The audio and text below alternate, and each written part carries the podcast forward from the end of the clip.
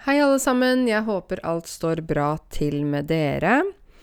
Eh, jeg skal i denne episoden snakke om eh, et av kapitlene i eh, kurset som heter 50 timer samfunnskunnskap.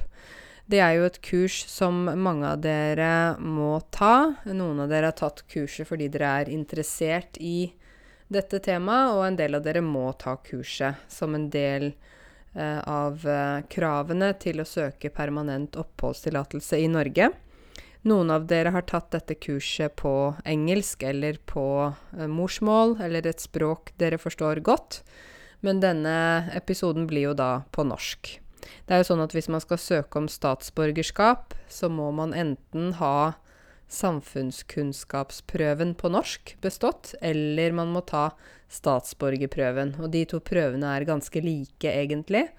Og man må være på ca. A2-nivå for å klare å forstå spørsmålene.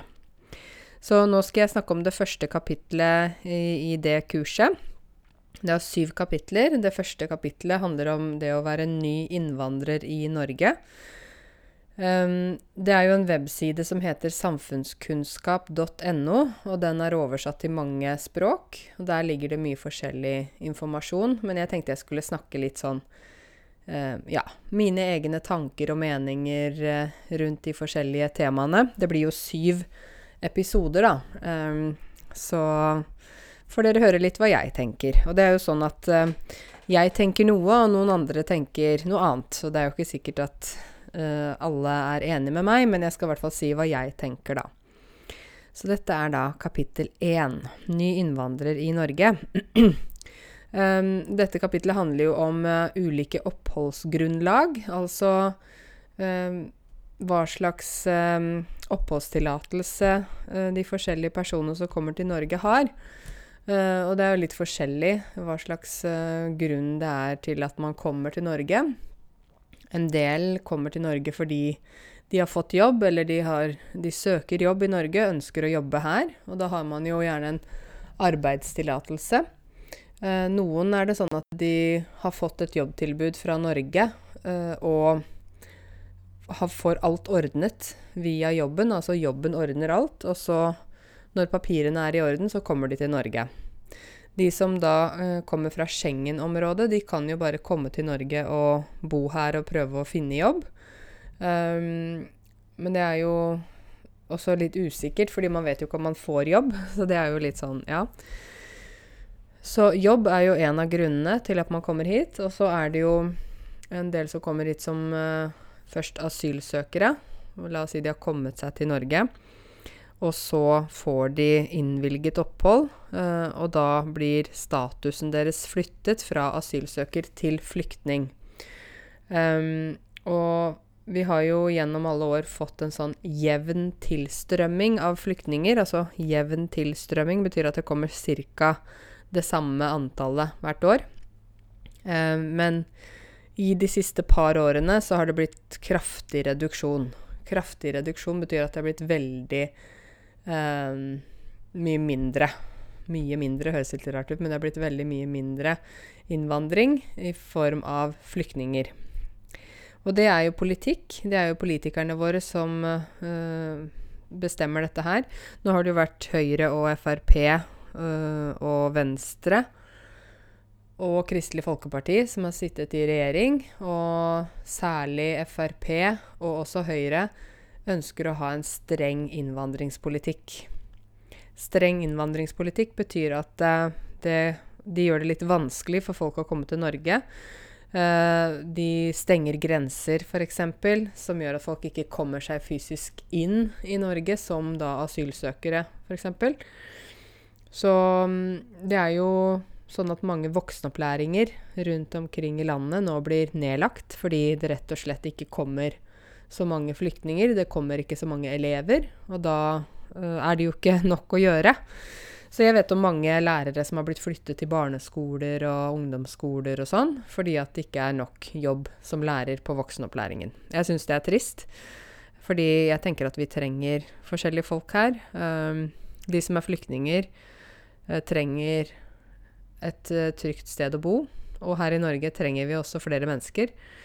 Og det er bra med en blanding av forskjellige kulturer, tenker jeg, så lenge man er opptatt av hvor folk bor. F.eks. at ikke alle fra samme land bor på samme sted. At uh, kommunen kanskje tenker litt på hvor de plasserer folk.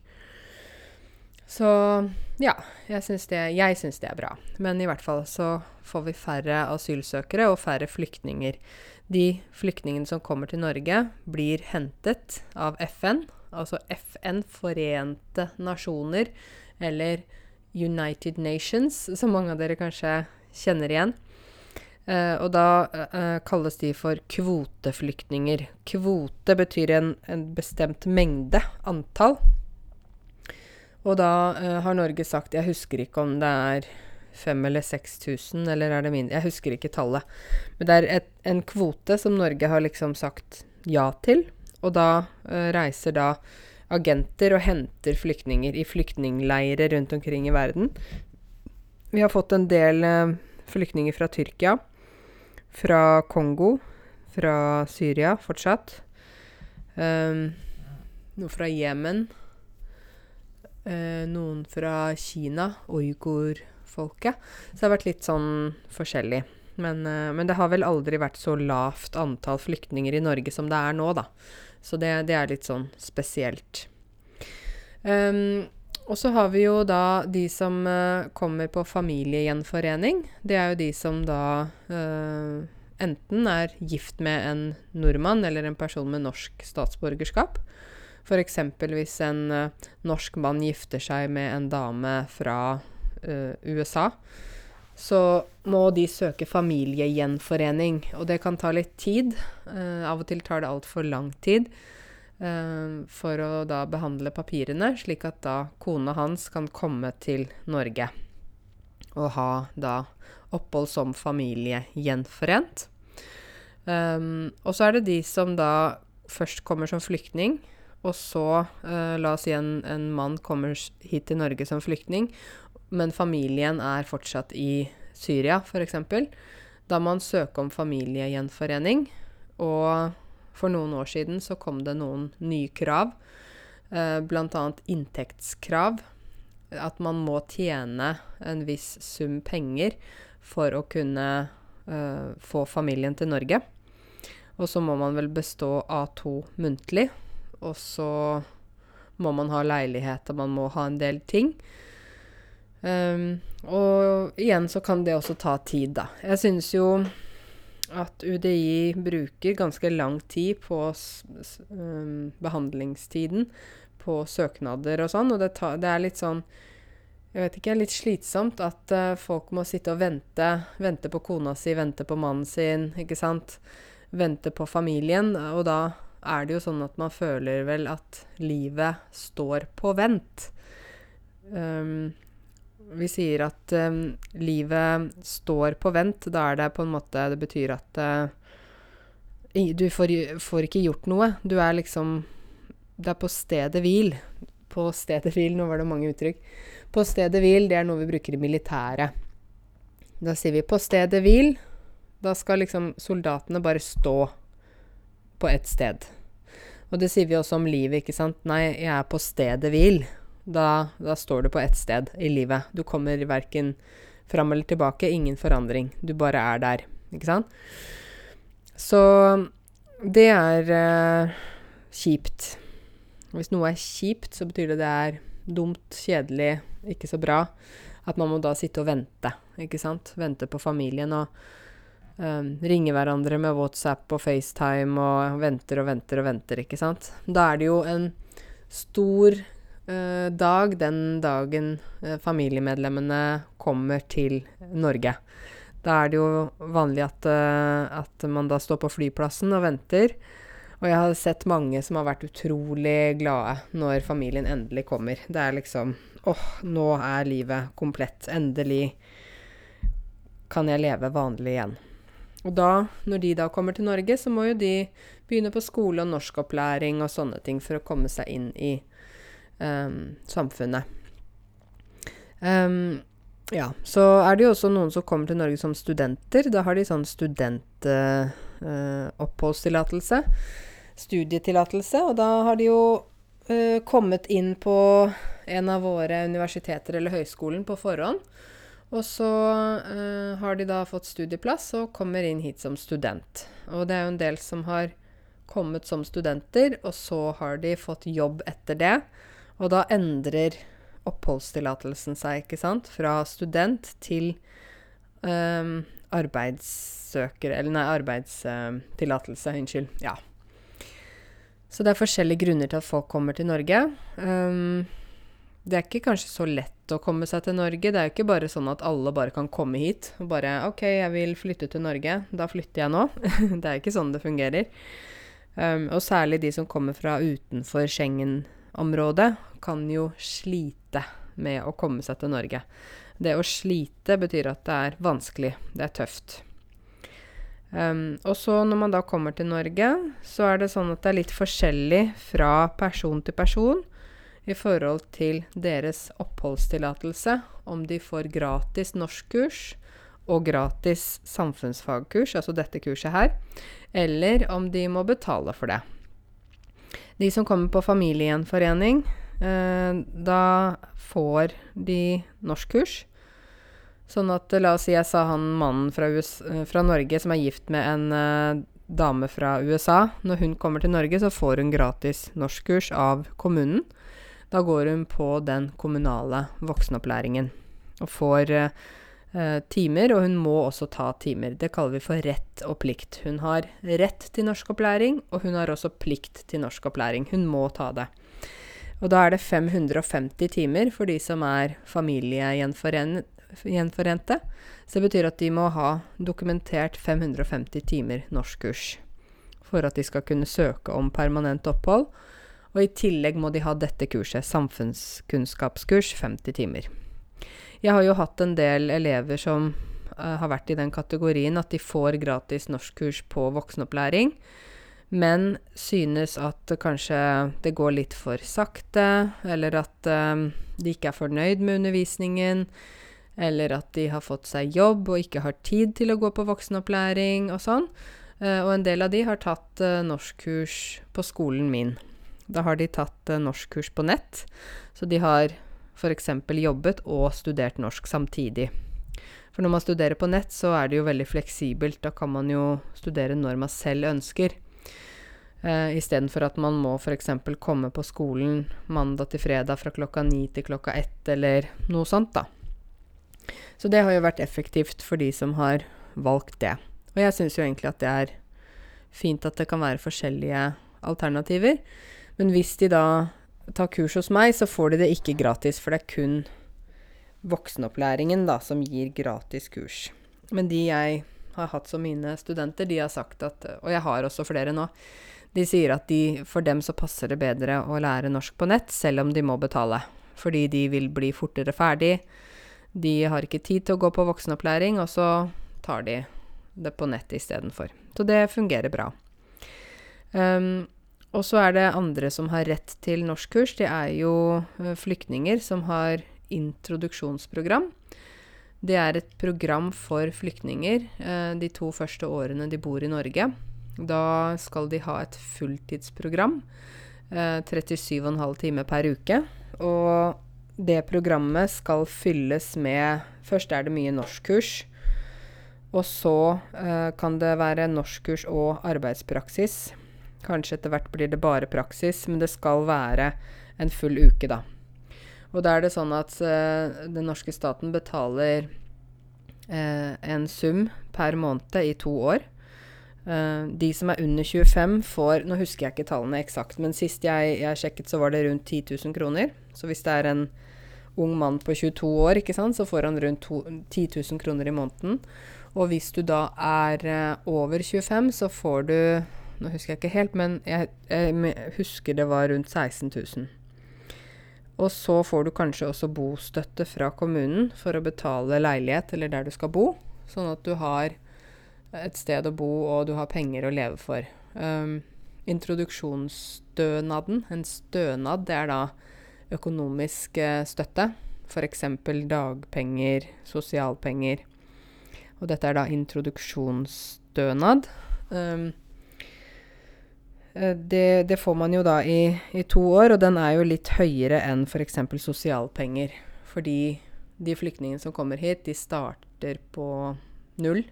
De har ofte ingenting. De må bygge seg opp. Så staten har da besluttet Besluttet betyr bestemt. De har besluttet at uh, de skal få eh, disse summene. Noen sier at nei, det er altfor lenge, og det er for mye penger og sånn. Og to år er veldig lenge i forhold til å finne seg jobb.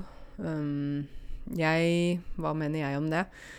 Jeg tror det kommer litt an på hvem man er. Fordi noen har mye utdannelse fra før og klarer å finne seg jobb ganske fort. Mens noen da kanskje er lavt utdannet og ikke kan finne seg jobb så lett i Norge og trenger mer tid. Så det er litt forskjellig. Men jeg kan si meg enig i at uh, denne introduksjonsstønaden den kan bli en hvilepute for de som ikke uh, er så veldig aktive på å finne seg jobb. En hvilepute betyr en pute man hviler på, man slapper av. Man legger seg ned og koser seg. Så jeg har jo sett uh, Jeg har jobba med flyktninger i mange år på voksenopplæring, og jeg har sett mange som er veldig aktive og, og, vil finne seg jobb og jobber veldig hardt og lærer seg språk og sånn. Og så er det de som tenker åh, det var deilig, da får jeg 16 000 hver måned i to år. Ja, da kan jeg slappe av litt. Fordi hvis jeg tar meg en jobb, uh, f.eks. på en butikk, så tjener jeg kanskje 18 000. Uh, nei, da tror jeg bare slapper av. det er da når den blir brukt som en hvilepute, og det er ikke bra. Hadde det vært, la oss si, et år at man hadde introduksjonsstønad et år, så hadde man jo flyktningene hatt kortere tid på å finne jobb. Det hadde blitt mer press på dem. Kanskje flere hadde funnet jobb, det vet jeg ikke. Men jeg tror også en del ville blitt stresset. Fordi eh, de kommer fra land der det har vært krig, forfølgelse, økonomiske, religiøse problemer, vold, eh, mange ting.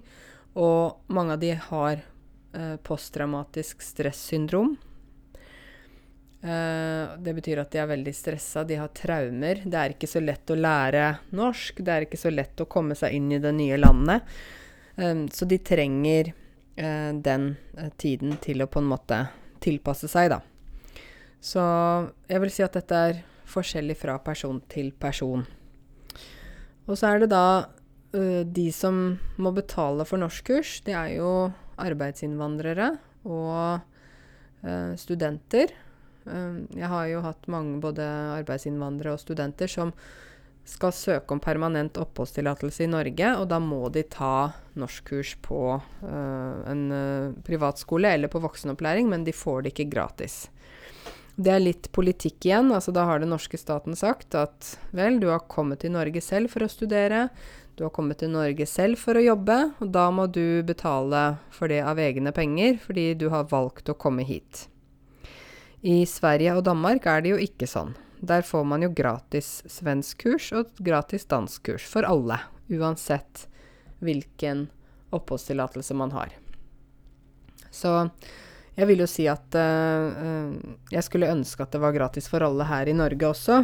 Uh, for hvis det var det, da kunne de f.eks. ikke si Nei, du har ikke lært deg norsk, uh, og, du, og, det er veldig dårlig og sånn.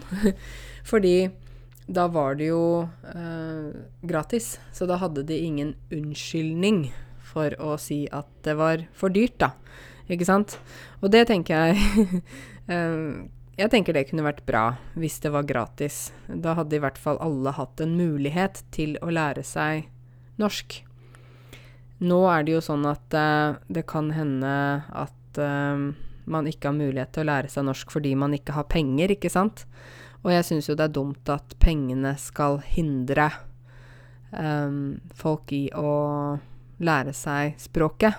Uh, fordi det er veldig viktig når man bor i et land, å fungere godt og kunne snakke, i hvert fall på et sånn grunnleggende nivå. Forstå grunnleggende norsk uh, er viktig. Og jeg syns det er synd at økonomi kommer i veien for det, da. Det er jo bl.a. derfor jeg har lagd den YouTube-kanalen min, sånn at i hvert fall alle kan lære noe norsk fra en uh, profesjonell lærer som uh, kan uh, undervise norsk, da. Så jeg, jeg, håper og tror at YouTube-kanalen min har hjulpet mange. Fordi det er jo det jeg ønsker. At så mange som mulig skal få hjelp fra den kanalen. Men eh, i hvert fall de som da må ta norskkurs og kjøpe norskkurs, de skal ikke ta 550 timer, de skal ta 250 timer.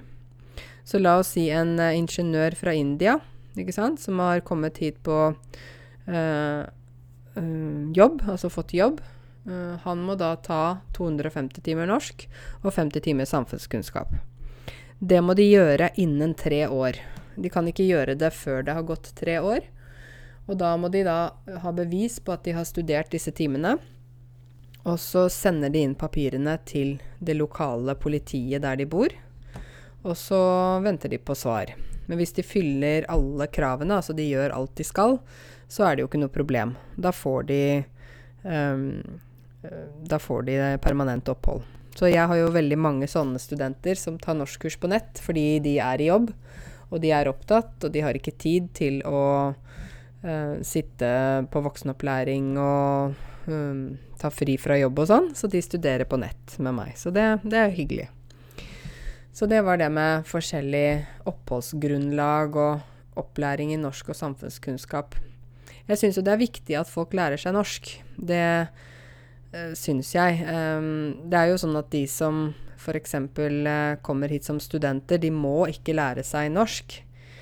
Men eh, hvis de da videre vil jobbe og bo her, så er det jo lurt at de gjør det. Og jeg syns jo alle bør lære seg språket.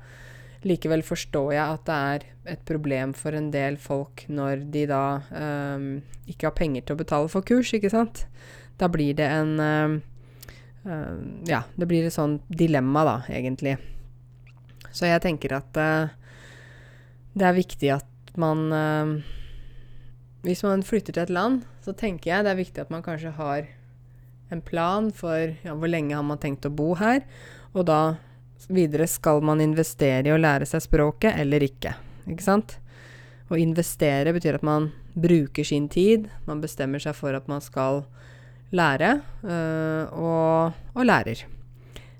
Så jeg, jeg syns det er veldig viktig. Men øh, jeg forstår jo det at hvis man bare skal være i Norge i tre år, og så skal man flytte og ikke komme tilbake til Norge, da forstår jeg godt at man kanskje ikke har så mye motivasjon til å lære seg språket. Uh, men uh, uansett så tenker jeg det er fint å kunne litt grunnleggende uh, uansett. Fordi at hvis man skal fungere, særlig som foreldre f.eks. For til barn, så er det fint å kunne kommunisere på norsk. For det er ikke alle av disse lærerne, la oss si de litt eldre lærerne, ikke sant, det er ikke alle av de som liker å eh, snakke eh, på engelsk om f.eks. matematikk og eh, naturfag og sånn. De, de klarer ikke, kanskje, å snakke om de tingene på engelsk og syns det er ubehagelig. Og da synes jeg at de som kommer til landet, bør lære seg språket, sånn at ikke vi som bor her, må snakke et annet språk for at de skal forstå. Eh, jeg synes faktisk at man har et ansvar der. Men det er jo forskjellig fra person til person. Um, I dette kapitlet så står det litt om forskjellige tjenester som man kan ha bruk for. Forskjellige tjenester som man kommer borti. Da vil jeg jo først og fremst si at uh, her i Norge så synes jeg at vi har et veldig godt uh, system når det gjelder uh, digital uh, informasjon og sånne ting. Digitale systemer. Skatteetaten.no, alle ting ligger inne på nett, ikke sant? Nettbank har vi. vi har folkeregisteret på nett. vi bruker disse her ja, Nav, f.eks. Vi bruker disse kanalene digitalt. Og jeg har hørt at mange har sagt at når de kom til Norge, eh, f.eks. som arbeidsinnvandrer, så hadde de jo alle papirer og alt ble sendt elektronisk. og de syntes det var helt fantastisk. For i mange land så er det fortsatt mye byråkrati, mye papirer, og alt må signeres og stemples og sendes i posten. Mens i våre systemer så går mye digitalt. Så jeg vil si at um, i Norge er vi veldig gode på det digitale, da. Samtidig er vi jo ikke så mange mennesker, da, og da er det jo selvfølgelig lettere å ha kontroll på fem Hva er det vi for noe? Fem millioner? 5,3, eller 5,1? Jeg husker ikke. Fem millioner, la oss si. Det er lettere å ha kontroll på fem millioner mennesker enn 200 millioner mennesker. Det forstår jeg godt. Skatteetaten.no er jo der vi finner eh, skattekortet vårt og sånne ting. Det samme gjelder altinn.no. Der ligger det mange tjenester. Um, og jeg, jeg syns at det er bra at vi kan ha alt samlet på ett sted. Da logger vi ofte inn med bank-ID, f.eks. Og så kan vi finne mye informasjon der. Så det syns jeg fungerer egentlig veldig bra må jeg flytte meg litt her, fordi det er eh, noen som driver og borer her jeg sitter. jeg har jo kontor i Oslo sentrum, og um, da er det ofte litt lyder. Så jeg håper det går bra for dere at dere Jeg bare måtte gjøre det. Ja, så um, når vi har også da Nav, det er jo sånn at en del registrerer seg på Nav fordi de skal søke om jobb, f.eks., eller eller hvis man har eh, mammapermisjon, pappapermisjon, sånne type ting. Da er det jo uh, alt som er elektronisk inne på nav.no. Så det er jo også et system som vi, som vi bruker. Og så har vi folkeregisteret. Vi registrerer ny adresse og sånne ting der inne. Ja, egentlig så går det meste uh, av det vi gjør her i Norge, går på det digitale. Jeg syns det er Veldig deilig, fordi da slipper jeg å gå ut av huset, dra til skattekontoret, stå i kø, ikke sant, vente. Altså, det er så slitsomt. Det er så godt at man bare kan få gjøre det selv hjemme, ikke sant. Logge inn og logge inn på systemene, og så, ja. Det forutsetter jo Forutsette betyr eh, en betingelse. Det forutsetter jo at, at man har litt kunnskap om bruk av eh, elektroniske hjelpemidler. Man kan bruke data, man kan bruke bank-ID på mobil, logge seg inn, ikke sant. Så det er jo ikke alle som syns de er like lett. Noen er jo f.eks. Uh, ja, gamle når de kommer til Norge, ikke sant. Hvis man kommer hit når man er uh, eh, 65-70 år, kommet, la oss si en bestemor som har kommet sammen med familien sin, aldri har brukt data før, uh, så kan det være veldig vanskelig for henne å orientere seg i vårt system, da. Og det forstår jeg jo, at det kan være litt slitsomt, egentlig. Men uh, jeg tror at det er fint hvis man uh, Nei, ikke jeg tror. Jeg synes. Men dette er min mening. Jeg synes det er viktig at man prøver å lære seg disse systemene, for det er sånn vårt samfunn fungerer, da. Du kan liksom Du kan jo gå på skatteetatens kontor, men det er ikke det folk gjør. Altså, folk fikser disse tingene hjemme selv, og da er det jo veldig fint hvis man bare kan klare seg selv da, på den måten der. Um, når man kommer til Norge, så er det jo sånn Eller når man kommer til egentlig alle land, så er det jo alltid uh, en forventning fra samfunnet om at man skal um, på en måte prøve å passe inn. Uh, man skal prøve å fungere. Man skal prøve å da bli integrert i det samfunnet man kommer til. Og det kan jo være vanskelig i Norge. Og det vil jeg jo si fordi nordmenn er sjenerte, reserverte. Noen kaller oss for kalde. Jeg vet ikke, kanskje vi er det.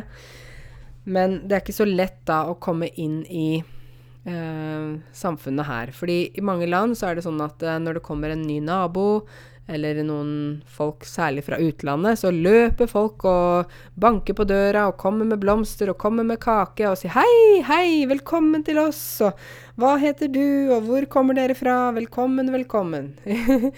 Veldig hyggelig, ikke sant, å få en sånn velkomst. Mens her i Norge så er det ikke like lett. Uh, det er ikke sånn at folk løper til døra di for å hjelpe deg, uh, eller at noen prøver liksom å ta deg med på de aktivitetene de gjør, eller noe sånt. Her er det annerledes. Her må du selv være aktiv. Du må selv oppsøke øh, nordmenn. Du må oppsøke miljøer der du kan bli kjent med nordmenn. Um, og da vil jeg alltid si Prøv å være aktiv eh, med noe sport, f.eks., der du kan treffe andre. Eller være med på noe frivillig organisasjon. F.eks.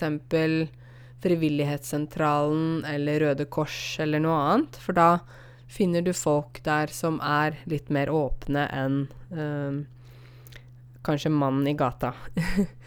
jeg har jo hatt en del elever som jeg har rådet Jeg har rådet dem. Det betyr at jeg har gitt dem et råd om å bli besøksvenn for Røde Kors. Og det å være besøksvenn er jo egentlig veldig fint, for da eh, får man først en trening. Eh, man må gå på kurs og sånn i hvordan man er besøksvenn.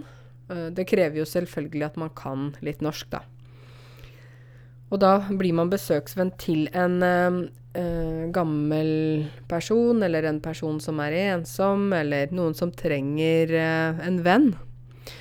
Og jeg har jo sagt det til flere elever som jeg kjenner, at uh, hvis du vil lære norsk, og hvis du vil bli kjent med nordmenn, og samtidig kanskje gjøre noe som er meningsfylt og viktig for uh, andre, så anbefaler jeg deg at du virkelig blir besøksvenn.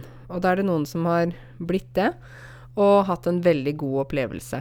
Og det er sånn at de da kommer hjem til den personen én til to ganger per måned. Og kanskje drikker kaffe, snakker sammen, går på tur, eller besøker de på sykehjem hvis det er gamle folk som ikke har familie, ikke sant.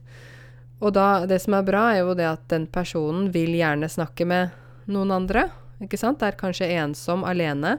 Og du som lærer norsk, du vil jo også snakke med nordmenn. Um, så er det en vinn-vinn-situasjon for begge parter. Den som er besøksvenn, får hjelpe noen som trenger det, og gjøre noe som er meningsfylt. Og den som uh, får besøk, blir glad, uh, får kanskje bedre helse, smiler mer, er mer fornøyd, osv. Så, videre.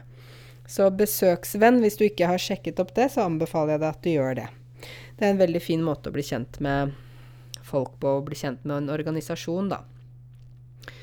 Um, det er jo sånn uh, for uh, de som kommer hit som har utdannelse fra hjemlandet og har med seg papirer, så kan de søke om godkjenning av utdanningen sin, enten via NOKUT eller via da Helsedirektoratet hvis det er helsepersonell f.eks. Og jeg syns det er veldig viktig at dere som har papirer, gjør det, for da får dere en vurdering på utdannelsen deres. Det som er dumt med det, er jo det at man kanskje ikke alltid får den uh, go utdanningen godkjent. Altså kanskje ikke alle uh, år man har studert. Jeg kjenner jo flere som f.eks. har en mastergrad, og så kommer de hit, sender inn papirene, og så får du bare godkjent bachelorgrad. Så det er liksom to år på universitetet som ikke er godkjent.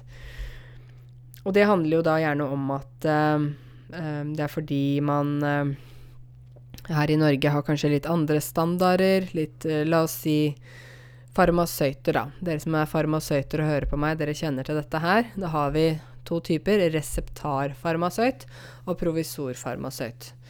Så de som er reseptarfarmasøyter, er liksom mm, Ja, vi får godkjent bachelorgrad, på en måte. Og så må de da ta en mastergrad, eh, eller ta en del fag, for å kunne bli provisorfarmasøyt. Og de har jo egentlig nok fag fra eh, hjemlandet, men de må ta ekstrafag fordi de norske helsemyndighetene mener at det de har, ikke er bra nok. Ja, så uh, jeg vil si at papirer her i Norge generelt, om det gjelder eh, diplomer, attester, dokumentasjon Alle papirer er gull verdt.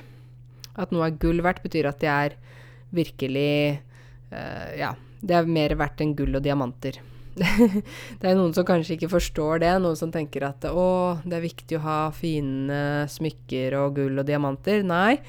Jeg vil si her i Norge så er papirene dine samme som diamanter. Det er veldig viktig. Det er veldig viktig å ta vare på papirene og originalpapirene. Du bør putte de i mapper, i permer, beskytte de, og ikke øh, liksom bare legge det ned i en skuff eller noe sånt. Jeg har alle mine originalpapirer. Vitnemål. Vitnemål er papirer fra utdanning, som ofte dere kaller for diploma. Heter ikke diploma, det heter vitnemål. Og mine vitnemål og mine attester fra tidligere jobber og sånn, alt har jeg samlet i en mappe. Og jeg har det godt beskyttet hjemme. For jeg er veldig redd for at noe skal skje med de papirene. Så jeg vil oppfordre dere. Oppfordre betyr at jeg ønsker, eller at jeg anbefaler dere. Jeg vil oppfordre dere til å ha et system for papirene deres. Og når dere jobber her i Norge, eller har jobbet frivillig, eller hatt praksis, eller noe sånt, og dere får en attest, eller får et dokument, ta vare på det. Akkurat som du tar vare på barna dine, ta vare på familien din, du passer på dem, da pass også på det papiret. For hvis du gjør det, så uh, liksom All dokumentasjon er god her til lands. Her til lands betyr her i landet, da. Så eh, papirer er veldig viktige. Eh, når det gjelder andre måter å møte nordmenn på, så vil jeg jo si Um, ja, jeg har sagt det er frivillige organisasjoner, idrett og sånne ting. Dere som har barn, kan jo kanskje litt lettere komme i kontakt med andre foreldre. Fordi barna går i barnehagen, og dere treffes, og dere snakker sammen og sånne ting. Mens um, dere som har hund, også kommer i kontakt med andre. Jeg har jo i hvert fall sett det med Bahia. At når jeg går på tur og treffer uh, andre folk med hunder, så hilser hundene, og så begynner man å prate med hverandre, da. Så jeg har vel et par sånne turvenner som også før har eh, på en måte bare var noen som jeg hilste på sammen med Bahia, og plutselig så har vi blitt turkamerater. Så går vi på tur sammen. Fordi hundene liker hverandre, og, og vi har det hyggelig sammen. Så det er også hunder og barn, altså, dere. ja. Um, helt til slutt så vil jeg snakke litt om det med, med uh, de forskjellige stedene vi bor, og hvordan det er uh, forskjellig type kultur fra sted til sted. Det er jo sånn at uh, små lokalsamfunn er noe vi har mange av i Norge. Og da har jo de lokalsamfunnene gjerne en egen kultur.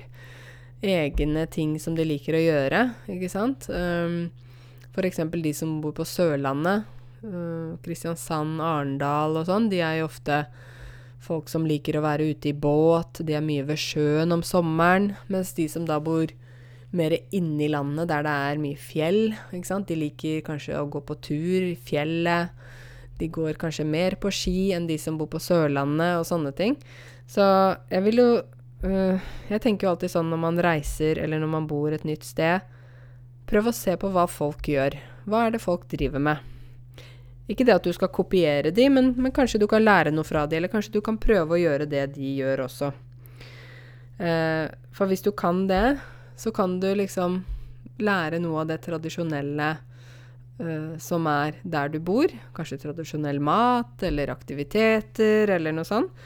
Og da får du en følelse av eh, hvordan det er på det stedet, da. Jeg er alltid sånn at jeg er nysgjerrig på hvordan lokalbefolkningen tenker. Så når jeg reiser til et nytt land, så vil jeg gjerne snakke med folk. Jeg vil gjerne spise det de spiser, så lenge det ikke er kjøtt, da. jeg er vegetarianer.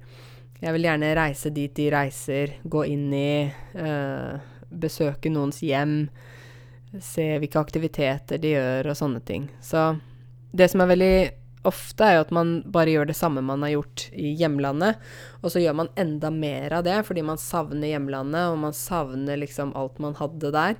Så blir man veldig opptatt av hjemlandet. Og det er jo fint å være det, men man må ikke glemme at, uh, at man er i et nytt land, og at man også må prøve å eh, åpne øynene litt for det nye landet, da. Så f.eks. hvis jeg flytter til Serbia, så kan jeg jo ikke bare snakke om Norge.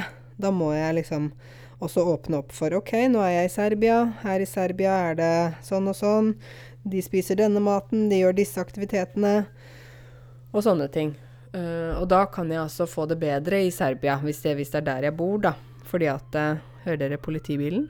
Det var Oslo sentrum. Fordi at da, hvis, uh, hvis jeg gjør det sånn, så vil jeg kanskje få nye venner, eller bli kjent med nye folk, eller et eller annet. Um, Og jeg vet jo det at når man kommer nytt til et nytt land, så først så er det ofte sånn at man er sånn Wow, jeg har kommet til Norge! Å, så spennende! Kjempegøy! Så går det en periode, og så får man veldig hjemlengsel. Man savner hjemlandet, man begynner å snakke mer om hjemlandet. Fokusere mer på hjemlandet, tenke på hvordan det var der. Hva spiser vi der? Hvilke aktiviteter gjør vi der? Og sånn. Og så blir man kanskje trist og en periode hvor man har det litt tungt. Um, og så, etter hvert, så kanskje man kommer inn i jobb eller studier eller noe sånt, og da vil livet stabilisere seg mer. Uh, kanskje man ikke går rundt og er sånn Jippi, fantastisk, yeah! Man er ikke sånn, men man er heller ikke trist. Man finner sin nye hverdag, sitt nye liv. Så jeg vil jo anbefale deg til å uh, tenke positivt og hvis du har det trist og vanskelig og sånn, prøv heller å være aktiv, gå på tur, gjør noe istedenfor å sitte inne og være trist og tenke på hjemlandet og sånn. Vær heller eh, mer eh, proaktiv. Prøv å, prøv å hjelpe deg selv på en måte. Ok, dette var kapittel én i kurset som heter Samfunnskunnskap 50 timer. Jeg håper at det var interessant for dere å høre om disse forskjellige temaene i dette kapitlet. Og så blir neste podkast da andre kapitlet om historie, geografi og levesett. Takk for at du hørte på, og ha det godt.